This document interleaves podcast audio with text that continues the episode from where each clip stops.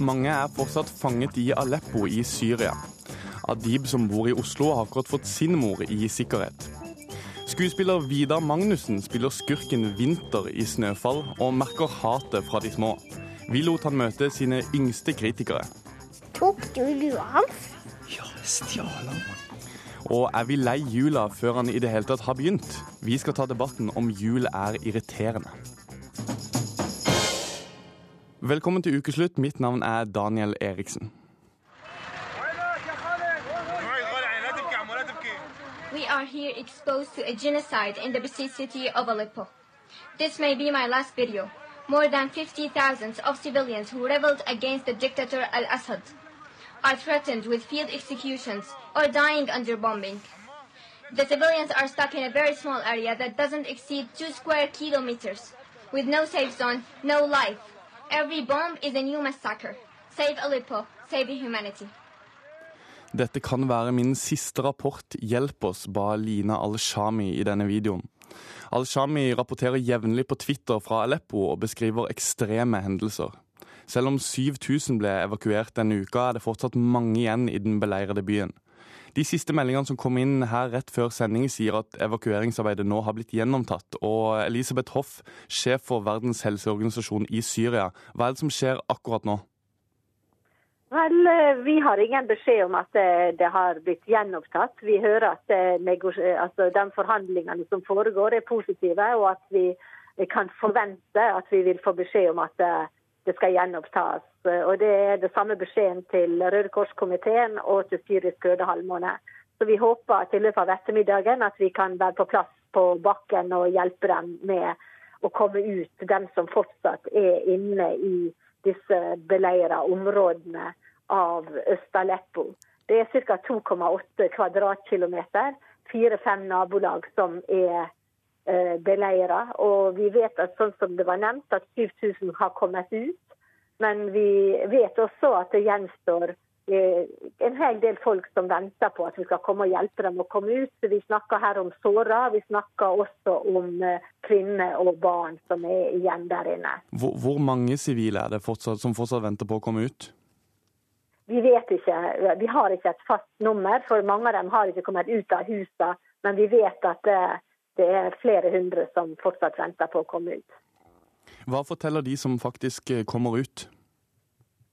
Nå, de som kommer ut, sier at eh, de har hatt eh, en veldig vanskelig periode med økt krigføring. Også det at de måtte gi seg har vært et tøft slag. Og det vi ser av dem som kommer ut, det er også at det er ingen vitalitet. Ikke noe smil, ikke noe leking av, blant barna på plassen der. Og alle er trøtte og medtatte. Vi har ikke sett mange underernærte, eller det som vi hadde forventa. Men vi har ikke gjort skikkelige undersøkelser heller enda. Men dem vi har funnet, har blitt overført til sykehuset umiddelbart. Nå må en huske på at det har over de siste to ukene kommet ut folk fra hele Øst-Aleppo. Så her til Vest-Aleppo har vi mottatt på disse tilfluktsstedene ca. 39 000 som er registrerte, men vi vet at det er sikkert det dobbelte antall som bare har eh, kjørt gjennom og dratt til sine familier og bekjente og bor hos, hos syrere som ikke har vært innom disse tilfluktsstedene. Ja, hvordan kan eh, nordmenn som får med seg dette på nyhetene, hvor, de som har lyst til å hjelpe, hvordan anbefaler du at de hjelper? Nei, Den beste hjelpa vil være gjennom eh, de organisasjonene som jobber her. Flyktningerådet har uh, veldig, uh, hjelp, veldig godt hjelpearbeid på begge sider, både inne i Syria og også fra den tyrkiske sida. Det samme må jeg si om Det Røde Kors og Røde Halvmåne gjør en kjempejobb her. Og i likeså så er alle FN-organisasjoner fullt engasjert. Tusen takk til deg, Elisabeth Hoff, sjef for Verdens helseorganisasjon i Syria. Her i studio på Marienlyst har jeg fått besøk av deg, Adib Waez. Du, du, kommer fra Aleppo. Hvordan er det å høre det, det Elisabeth Hoff forteller her nå? Det er faktisk eh, helt forferdelig. Eh, det er liksom veldig vondt for meg å se det jeg ser akkurat nå der. Eh, jeg har jo fortsatt mange venner som bor der, som forteller meg hver dag eh, akkurat det som skjer. da. Ja, hva får er det de bilder. forteller? Eh, det er liksom skolene. det er helt bombet. de stedene de bor i. de sier at det er, er jagerfly og helikoptre over hodet på deg hele tiden. De sier det er ingen steder å såke dekning, liksom. De sier der vi bor, eller huset hvor, mammaen min har bodd der, da. Jeg fikk beskjed at eh, regjeringssoldatene tok over. Eh, plutselig i løpet en dag, liksom, så sier de at Eh, nå må vi være i huset. Det er sånn frontlinje. Og så dere kan bare forlate stedet og ikke tenke å komme, komme tilbake, da. Så det er helt forferdelig. Vi, vi hadde jo besøk av deg i august, og da, da var du veldig bekymra for din mor, som fortsatt var i Aleppo. Hvordan går det med din mor nå? Eh, endelig. Hun har kommet i sikkerhet, i hvert fall, eh, etter å ha ventet fire år. Eh, så hun har vært eh, fire år alene i Aleppo eh, etter at eh, hele familien har forlatt landet. da. Så, men endelig har jeg fått henne i sikkerhet, og det er jeg veldig glad for. Hva, hva er det hun kan fortelle nå, etter fire år? Eh, nei, hun forteller at det jeg har opplevd der i 2013, når jeg var i Syria, det har vært absolutt ingenting. Jeg kan se på det, Du kan se på det som fred, liksom. Det har vært en ganske kraftig forandring fra da jeg flyttet i, 20, i 2013 eh, til det som skjer nå. Før vi pleide å få en varsel om noen skulle bombe, eller om Ikke sant? Minst nå det har vært ikke bare bombing, men det er faktisk raketter. Altså Hun sier det eneste vi vet, liksom, vi bare hører at det er en rakett som kommer tidlig ned, og så Ja. Vi veit ikke hvor den kommer, ikke sant? så det har vært veldig stor forandring. Hvordan takler de, de vennene og den familien du har i Aleppo, hvordan, hvordan takler de det? Hvordan måte, forholder man seg til det? Må man flytte mye rundt på Ja, seg? Eller? det, det, altså for, for yngre folk det, er liksom, det har vært litt enklere, da, fordi liksom, det skjer bombinger i akkurat det stedet, så forlater de. Men eh, for eksempel for mammaen min, det har vært skikkelig vanskelig, eh, fordi for de som ikke kan løpe, det er det eneste måten å, å, å forlate stedet, ikke sant? Altså, det har vært veldig vanskelig, da. Mm. Eh, ser du for deg at dere kan dra tilbake til Syria en gang i fremtiden? Eh, for meg som har kommet til, Norge som 16-åring, så vil det være veldig vanskelig å tenke på akkurat det. Eh, Fordi jeg har jo bygget fremtiden min her, ikke sant. Jeg har et håp om å fortsette med det her. Mens når jeg snakker eksempel med de eldre som er her, som eksempel søsknene mine og sånn, så de har fortsatt et håp da, om å, at det blir fred der snart, og at de kan besøke landet i hvert fall. Ja, for du kunne godt i hvert fall, i hvert fall tenke deg å kunne besøke Syria. Ja, ja. Selvfølgelig. Mm. Mm. Tusen takk for at eh, du ville være med oss, eh, Adib Wayez. Den som tar på steinen og lar seg fylle med det onde, kan gå uskadet gjennom sovetåka.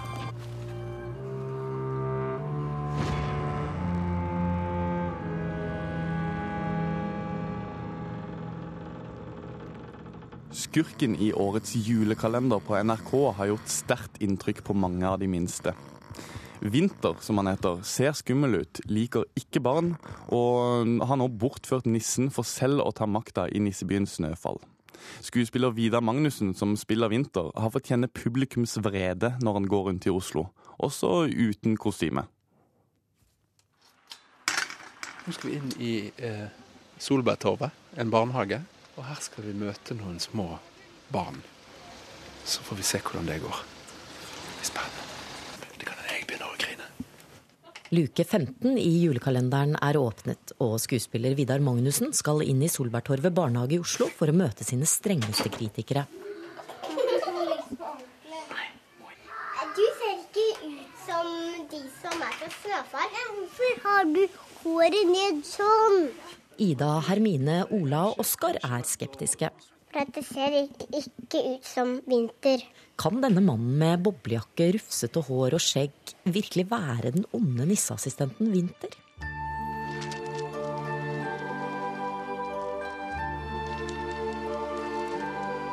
Snøfall er historien om Selma.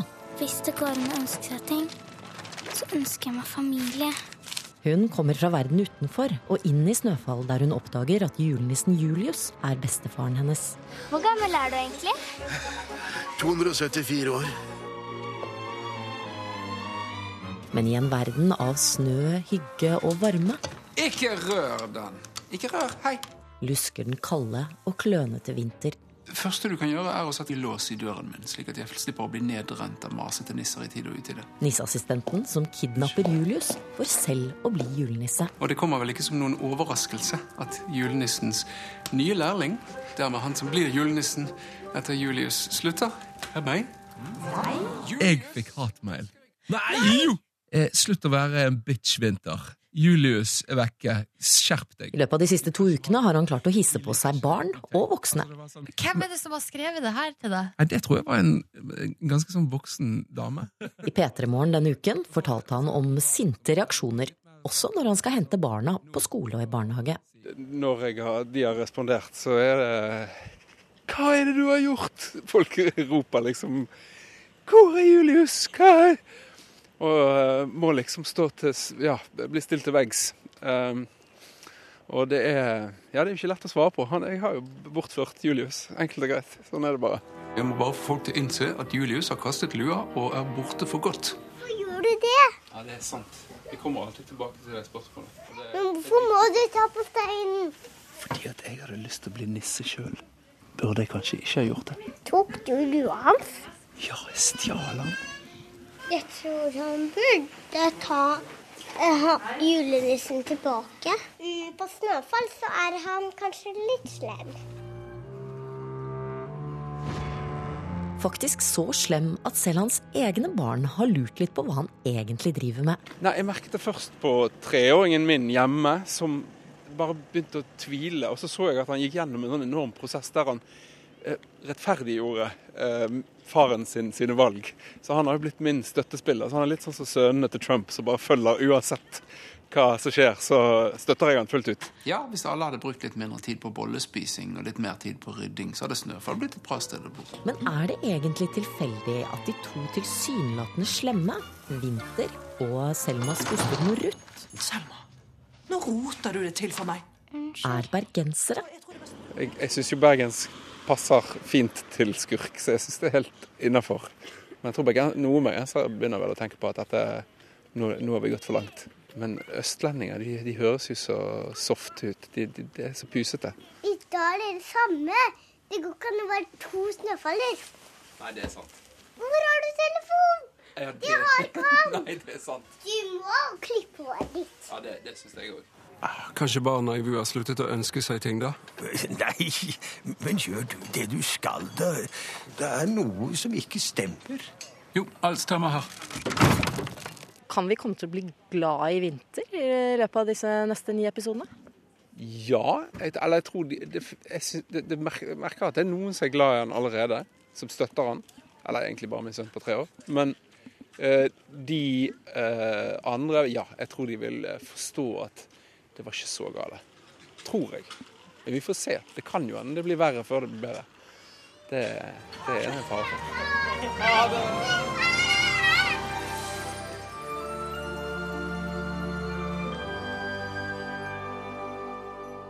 Nå skal vi til Tønsberg, der 17 år gamle Even Bertelsen holder på med et verdensrekordforsøk.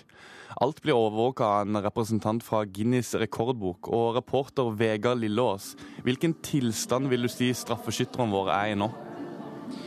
Akkurat nå så er han veldig sliten. Han, eh, som dere hører i bakgrunnen, så er han i gang igjen med å skyte straffer. Han har noen pauser innimellom. Even! Jeg roper han bort der, så kan vi avbryte den litt i, i straffetakinga her. Du, Even, hvordan, hvordan er kroppen din nå, egentlig? Eh, Den er veldig støl og eh, ganske vond, for å være ærlig. Hvor er det mest vondt? Beina og lysken. Ja. Du, du starta klokka seks i, i går kveld. Eh, hvordan har det vært gjennom kvelden og natta? Eh, Det har vært, det har vært slitsomt, det har vært vondt. Det var, har vært eh, Altså, jeg har vært trøtt, og det har vært eh, ganske tøft, for å være ærlig. Men eh, målet var jo 1000 straffer, eh, og vi kan jo avsløre såpass at det er du langt forbi allerede. Ja, jeg har fått over eh, 2400 straffer, så det, det er klart med glans. Jeg er veldig fornøyd med det, så jeg håper at det er en rekord som kommer til å bli en stund da. Men det er fortsatt en del timer igjen. Hva er, eh, hva er målet nå, da? Nei, nå blir det egentlig bare å holde ut. Altså, det er en, eh, altså jeg får godkjent rekorden og prøve å få en enda bedre score, da. Har du noe peiling på hvor mange du har satt i mål, da? Eh, nei, men jeg vil tippe kanskje halvparten omtrent. Altså, det begynte veldig bra, men akkurat som beina ble dårligere, så ble også målene dårligere, da. Du, eh, Hva er årsaken til at du, du ville gjøre det, eller prøve deg på dette forsøket? her? Jeg har egentlig ikke noe godt svar på det, men eh, det er vel kanskje at eh, jeg er kaptein på et fotballag på Nøtterøy, og vi hadde en diskusjon om som skulle ta straffer, og jeg mente at det skulle være meg. Og da, da jeg kjedet meg på skolen, så søkte jeg på dette på, på Guinness, da. Og da bare slengte jeg en søknad, og fikk da godkjent den i september, og da tenkte jeg at dette må jeg gjøre.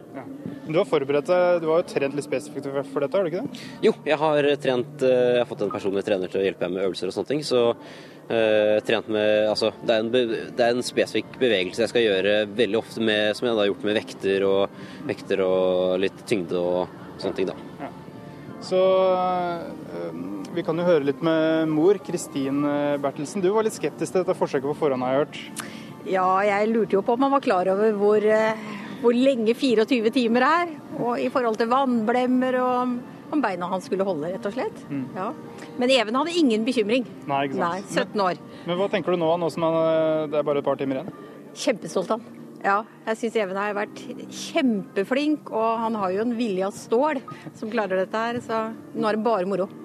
Men du, når, du, når du kom inn døra her, så, så kom dere bærende på en del pizzasnurrer. Hvor mange pizzasnurrer du har bakt til folka som er her?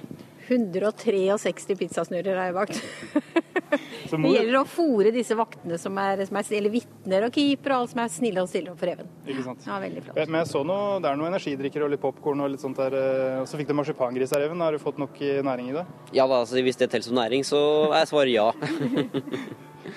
Men, men, øh, men øh, du skal få lov til å løpe tilbake og så fortsette å ta straffer fram til klokka seks øh, i kveld. Eh, Fortsatt lykke til, og så satser vi på at den rekorden her blir stående veldig, veldig lenge. Og hvor stor rekorden blir, ja, det får tiden vise. Tusen takk til deg, reporter Vega Lillås. Vi må bare ønske Even lykke til, selv om det, det virker som det går veldig bra, det her. Yes, da skrur jeg av, jeg. Det så mørkt ut en stund, men etter keeperarbeid i verdensklasse så klarte de norske håndballjentene å ta seg videre finalen, til finalen i Europamesterskapet i går kveld. Alle Halle reiser seg, Norge spiller ut til Kurtovic! Ny skåring! Det er skåringa som sikrer EM-finale! Er bare helt til påske, men den skåringen kommer til å vare for evig i våre drømmer! Til slutt ble det altså seier med sifrene 16-20. Hvor glad var du da dommeren blåste i fløyta i går, eh, reporter Patrick Sten Rollins i eh, Stockholm? Ja, da tror jeg vi var eh, veldig glad. Det tror jeg man hørte også på, på det opptaket man spilte. Det er ikke så mye stemme igjen. Eh, Og i dag så har vi likevel måttet ja, gjøre stemmen klar for, på nytt. Og nå er det pressetreff med de norske jentene. De, eh, det er helt vanvittig presseoppmøte fra eh, veldig mange nasjoner. Og interessen rundt håndballjentene den bare øker og øker, eh, vår ekspert Øystein Havang. Ja, og Mye av grunnen til det er jo at Nederland nå er igjen i en finale. Frankrike er med i en semifinale, så det er fine nasjoner som melder seg på, og interessen vokser sikkert for, for kvinnehåndball generelt i Europa. Vi skal legge bak oss litt grann, eh, det deilige øyeblikket i går. eh, Nederland eh, som ble Nei, Frankrike som ble slått. Nå skal vi se fram mot det nederlandske laget og EM-finalen. Eh, Dette er to, så, to lag som spiller håndball på litt samme måte. Hvordan står Norge i forhold til Nederland nå? Nei, Vi har jo Feide feid dem av banen i, i forrige finale vi møtte dem, men, men det er et lag som ø, spiller med mye fart. Eh, De har en ø, veldig go i laget og er gode i ankomstspillet, som vi sier. Står litt i Norge at vi kan minne litt om hverandre. Jeg mener vi er noe sterkere i forsvarsspillet. De er noe skarpere i angrepsspillet. Så er det litt det laget som klarer å løfte sin svakeste fase, som, eh, som kan stikke av med seieren. Man må ha dagen, man må treffe med nøkkelspillere og taktikken. Hva betyr det når vi går rundt her i Gøteborg og ser stort sett bare nordmenn overalt, og det er litt sånn der skjærtorsdag-følelse i, i Strømstad. Hva betyr det for jentene å, å ha den støtten i ryggen og nesten føle at de er på hjemmebane? Nei, det var jo, det var jo et eh, det var gåsehud i går når de kommer inn i, i semifinalen hvor eh, hele Skandinavium er fylt av nordmenn. Så den støtten den er eh, helt uvurderlig, og den løfter fram. Det er slitne spillere nå eh, når de går inn i den siste kampen og skal spille finale. De er på tannkjøttet nå, og derfor vil et godt publikum, løfte dem det lille hakket ekstra. Vi har akkurat møtt de norske jentene som har gått litt fram og tilbake mellom pressesonen. og Kari Olvik Grimsbø nevnte jo bl.a. det da, at eh, når de fikk høre nasjonalsangen i Skandinavium i går med 9000-10 000 nordmenn til stede, så, så kom det noen tårer, og så og gjorde det også at de var virkelig hypa for, eh, for kamp. Men eh, la oss snakke litt mer også om eh, lagledelsen i går for Tore Hergersson. Han står fram som eh, den lederen som Norge må ha, og han gjør egentlig alt riktig i går med bl.a. et tidlig keeperbytte. Ja, treffer veldig godt med disponeringen. og det, det krever forberedelser. og Det skal ligge både magefølelse og gode, gode, god planlegging bak en sånn avgjørelse. og Når han går inn og, og gjør et måldagsbytte tidlig i kampen, eh, så treffer han veldig rolig og konkret i timeoutene og loser jentene veldig trygt gjennom, eh, gjennom en hektisk og meget fysisk krevende kamp. Så med Hergersson på sitt beste, med de norske håndballjentene på sitt beste, kan du eh, er du villig til å sette hus og hjem på hus og hjem, faktisk, det er doble betydning, men hus og bil da, på, eh, på norsk seier i morgen? Det er jeg ikke, faktisk. Jeg, jeg, er, jeg tror dette kan bli veldig skummelt, men det er en ørliten fordel til Norge i form av den erfaringa vi har med finaler, og at vi har eh, noe sterkere målvaktsteam. Vi går rundt og koser oss i Gøteborg med så mye nordmenn. Stemningen den er rett og slett elektrisk hele tiden. Og nå er det også en litt sånn nervøs mage, litt spent stemning. Vi går og venter på at Norge skal spille EM-finale i morgen. Det blir veldig veldig spennende. Takk til deg, Patrick Rolands. Vi i Ukeslutt setter uansett både hus og bil på at de norske håndballjentene vinner i morgen. Mer enn 800 000 har sett videoen på Facebook der Torstein Tvedt Solberg nekter å svare på spørsmål om etterlønn for stortingspolitikere i Dagsnytt 18. Han kommer til ukeslutt for å svare på et par spørsmål. Carl I. Hagen går for stortingsplass med klimaskepsis som kampsak. I ukeslutt, vi i Ukeslutt har møtt en som ønsker det velkommen. De menneskeskapte klimaendringene er for små til at man har vært i stand til å observere de entydig ute i naturen. Og er du stressa, lett irritert uten en eneste julegave i boks, følg med den neste halvtimen. Vi skal til ugens, ukens, uh, ukens mest ubehagelige intervju, utløst av en snuoperasjon uten sidestykke. For på mandag prøvde Arbeiderpartiet, Sp, KrF, Venstre og Frp på Stortinget å gi seg selv en julepresang av de sjeldne. De ville ordne det sånn at stortingsrepresentanter skal ha mulighet til å få to års etterlønn dersom de ikke finner jobb etter å ha sittet på Stortinget.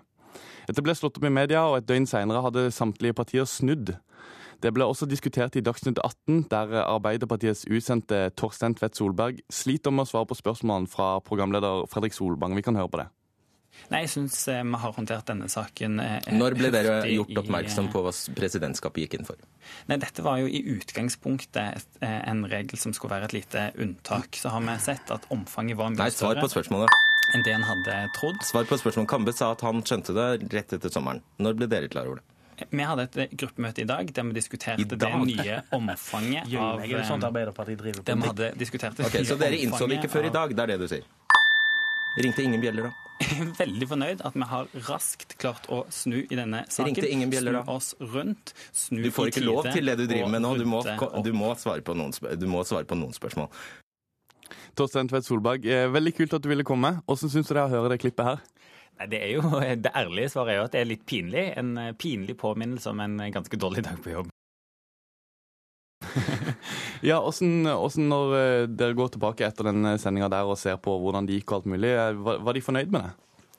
Jeg, jeg var jo sendt for å prøve å svare for Arbeiderpartiet sin, sin snuoperasjon, som, som ble sagt. Det var en debatt vi visste vi ikke kom til å, å vinne, men vi tenkte at det er viktig òg at politikere drar og svarer for seg òg når vi har gjort feil, for å innrømme de feilene og liksom rydde opp eh, etter oss.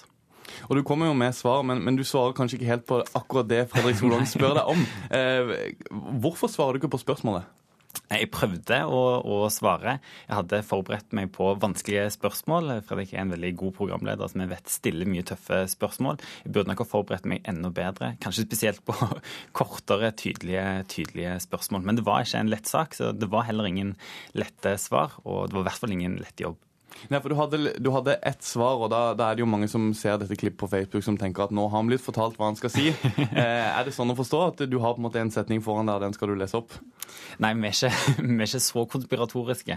Selvfølgelig så forbereder en seg når en skal i en sånn vanskelig debatt, fordi vi vet vi har eh, lite tid, og en må på en måte korte ned og være tydelige i, i svarene sine. Så jeg var, var forberedt. Eh, men så var jo òg det, det klippet som ble lagt ut, var jo i motsetning til en best off, så var det en worst off. Den debatten. Det var alle de gangene jeg ikke svarte. Så var det andre deler av den debatten der jeg fikk, fikk svart eh, mer og sagt det som det var viktig for Arbeiderpartiet at kom fram. Anklager du oss journalister for å være tabloide? Jeg. Jeg, lurer på, Er det sånn at når du, eh, når du ser dette klippet i ettertid, er du redd for at se, lytterne og seerne gjennomskuer deg, eller eh, tror du de kjøper på en måte at det er det som er svaret til Arbeiderpartiet?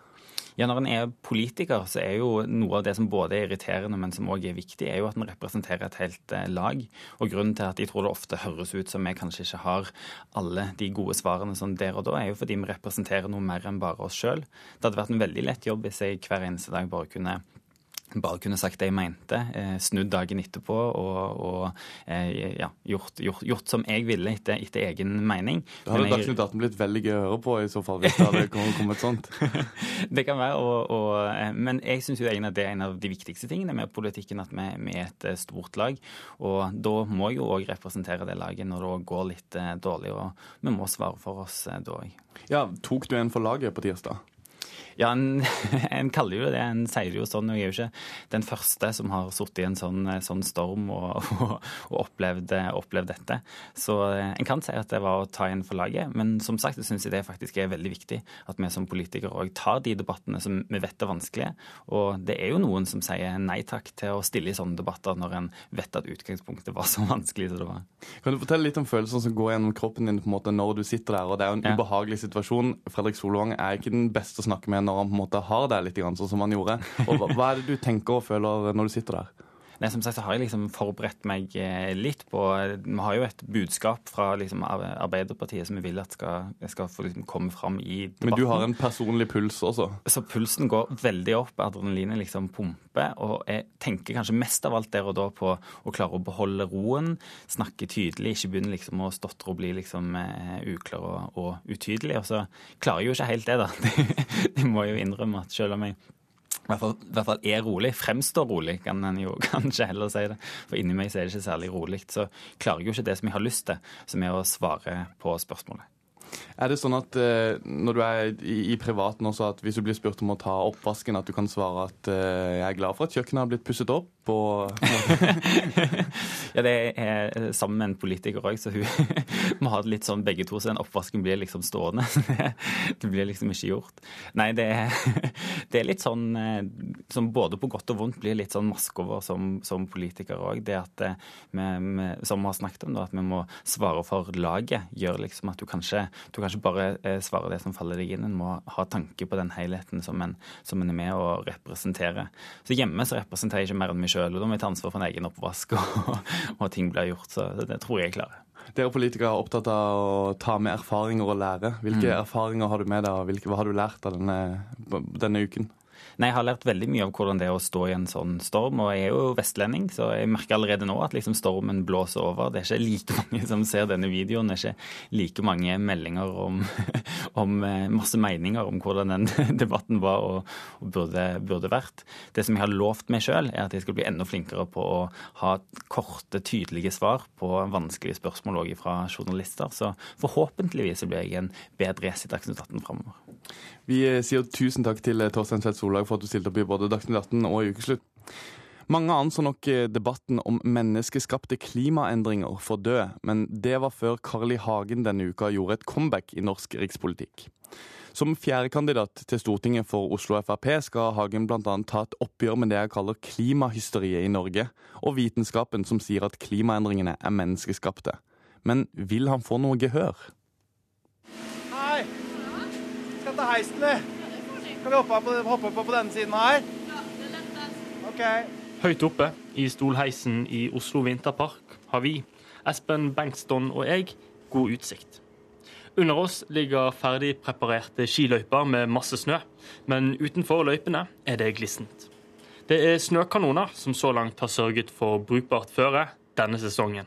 Den snøen som har kommet fra oven, har smeltet eh, både på trærne og på bakken utenom eh, traseene våre. Bengston er daglig leder i Oslo Vinterpark. For dem er klimaendringene blitt en utfordring i kampen om å nå sesongstart. Det vi ser er at den kulden som kommer, kommer nå i kortere kuldevinduer. Det er mer ekstremt vær, mer, mer skift eh, av temperaturer. Vindretningene forandrer seg. Så, så, disse tingene merker vi oss.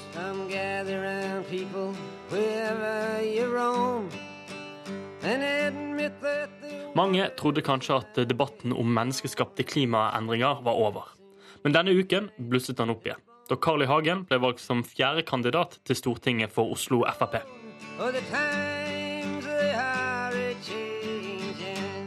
En av Hagens viktigste kampsaker er å bekjempe det han sjøl kaller klimahysteriet i Norge. Det gjorde han bl.a. klart i Dagsnytt 18 denne uken. Hvorfor er dette et hysteri? Jo, fordi det er ingen nevneverdig sammenheng mellom CO2-utslipp og temperaturene. Det er et rent bedrageri. Det er stadig flere vitenskapsfolk som eh, viser dette. Hagens påstand er stikk i strid med den rådende oppfatningen blant klimaforskere i verden. Men Hagen sjøl påpeker at han ikke er alene. Til alle dine lyttere, Fredrik, ta kontakt med klimarealistene.com. ok, ingen reklame her. Ja. Takk skal dere ha. Jeg tok Hagen på ordet og møtte en av de som deler hans syn på klima. Er det Geir? Hyggelig, Hyggelig å treffe deg. På plassen utenfor Universitetet i Oslo står Geir Aaslid.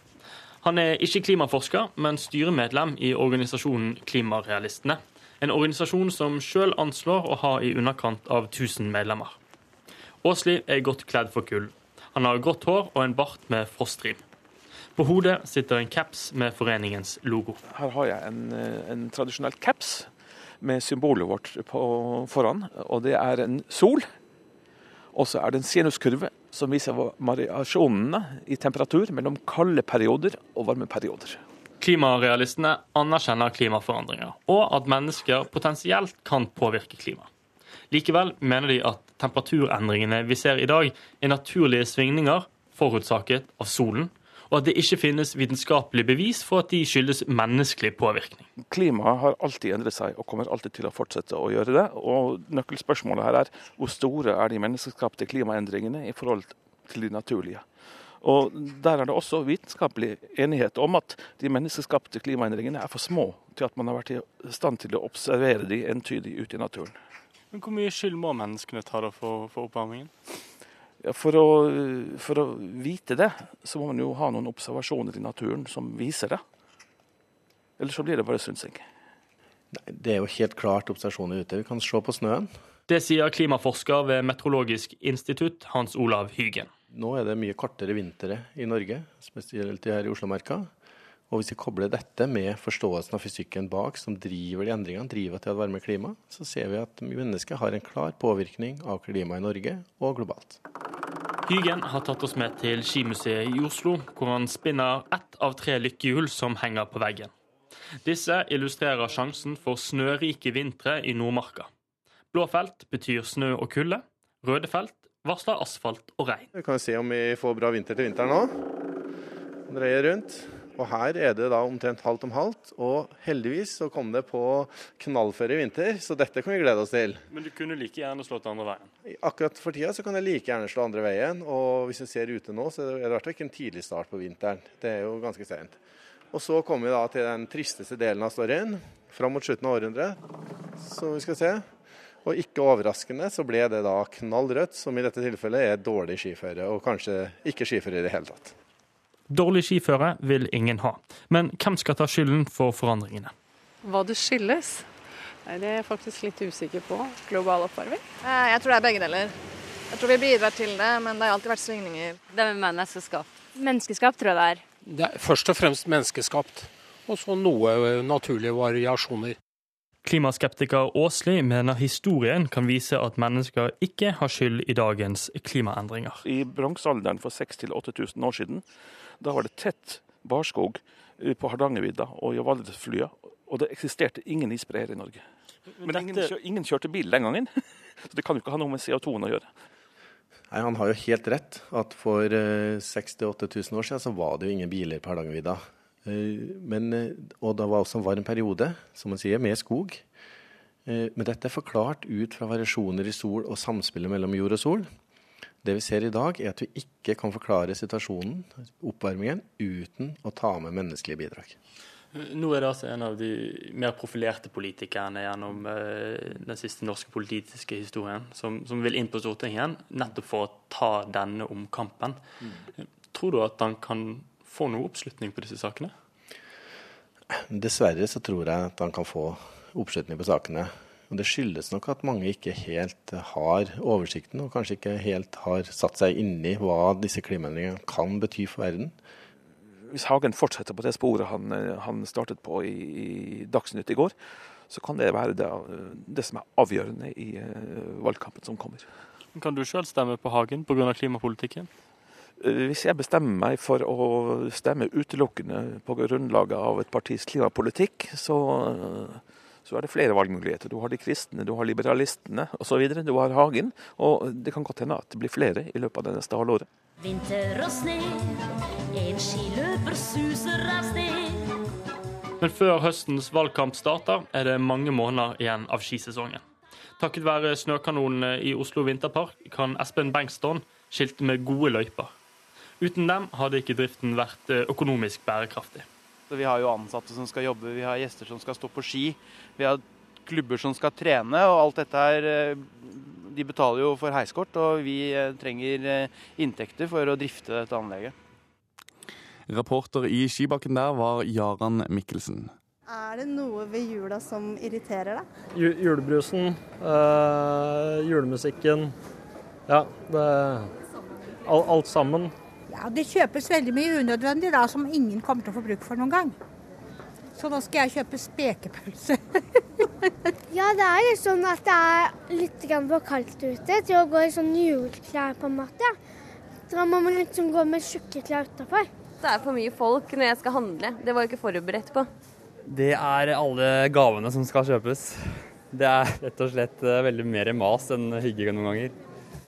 Vi hører her at eh, noen mener julen er en høytid for irritasjoner, og der er du hjertens enig, Mats Arnesen. Du er redaktør i studentavisa Studvest i Bergen og har skrevet en eh, kronikk denne uka der du går løs på julen. Ja, det er helt riktig. Jeg har uh, hatt mange ting i opptakten til årets jul som har irritert meg grenseløst. Uh, så har vi alltid skrevet en litt humoristisk tekst om akkurat det, da. Ja, Hva er det som er galt med denne høytiden? Hva er det som er så irriterende? Ja, Først og fremst er det jo kommersialiseringen av julen som jeg syns er mest irriterende. Uh, det at man ser juleting i butikkene i sent i oktober, det syns jeg er ganske hårreisende. Jeg vil gjerne at julen skal holdes til det de fire ukene i advent. Eh, det kalles en høytid for en grunn, og jeg vil gjerne at det, det holdes til eh, de fire ukene der. Eh, vi skal rett over til noen som elsker jul, men, men helt først, blir du kalt surpomp av vennene dine? Jeg blir det. Jeg har Særlig etter teksten ble publisert, så har jeg blitt kalt det. Men han fikk også mye støtteerklæringer, så det viser at det er, det er noen som er enig også. Erlend Elias, hvorfor er du så glad i jul? Eh, jula er jo rett og slett høydepunktet i året. Og vi jo, bor jo i land der det er veldig lite lys, og spesielt jeg som er vokst opp i Nord-Norge. Så eh, desember måned det er jo da vi virkelig får lov å slå oss løs med lys og eh, pynte oss og leve.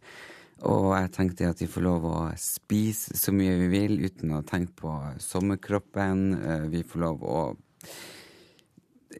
rett og slett meske oss rundt med alt det gode og det fine som eh, finnes i jula.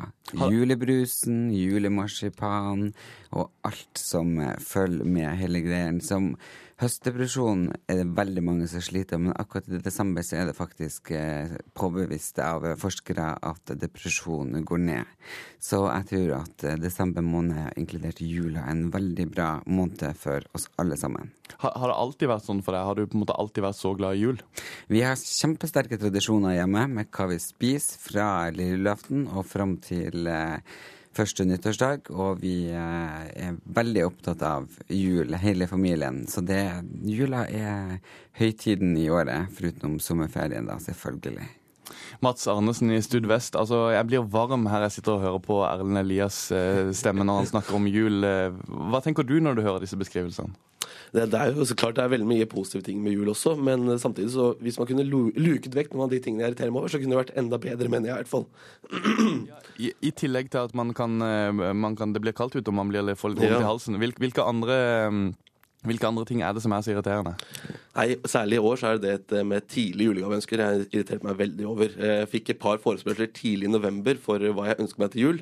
Og da mener jeg det er altfor tidlig å begynne å tenke på sånt.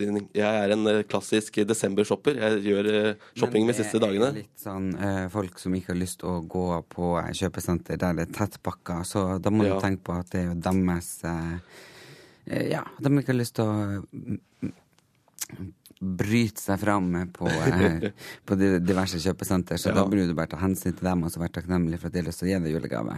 Det er helt sant. Og samtidig er også det en ting jeg irriterer meg veldig over, dette med, med hvordan eh, norske folk eh, oppfører seg på kjøpesenteret i julestriden.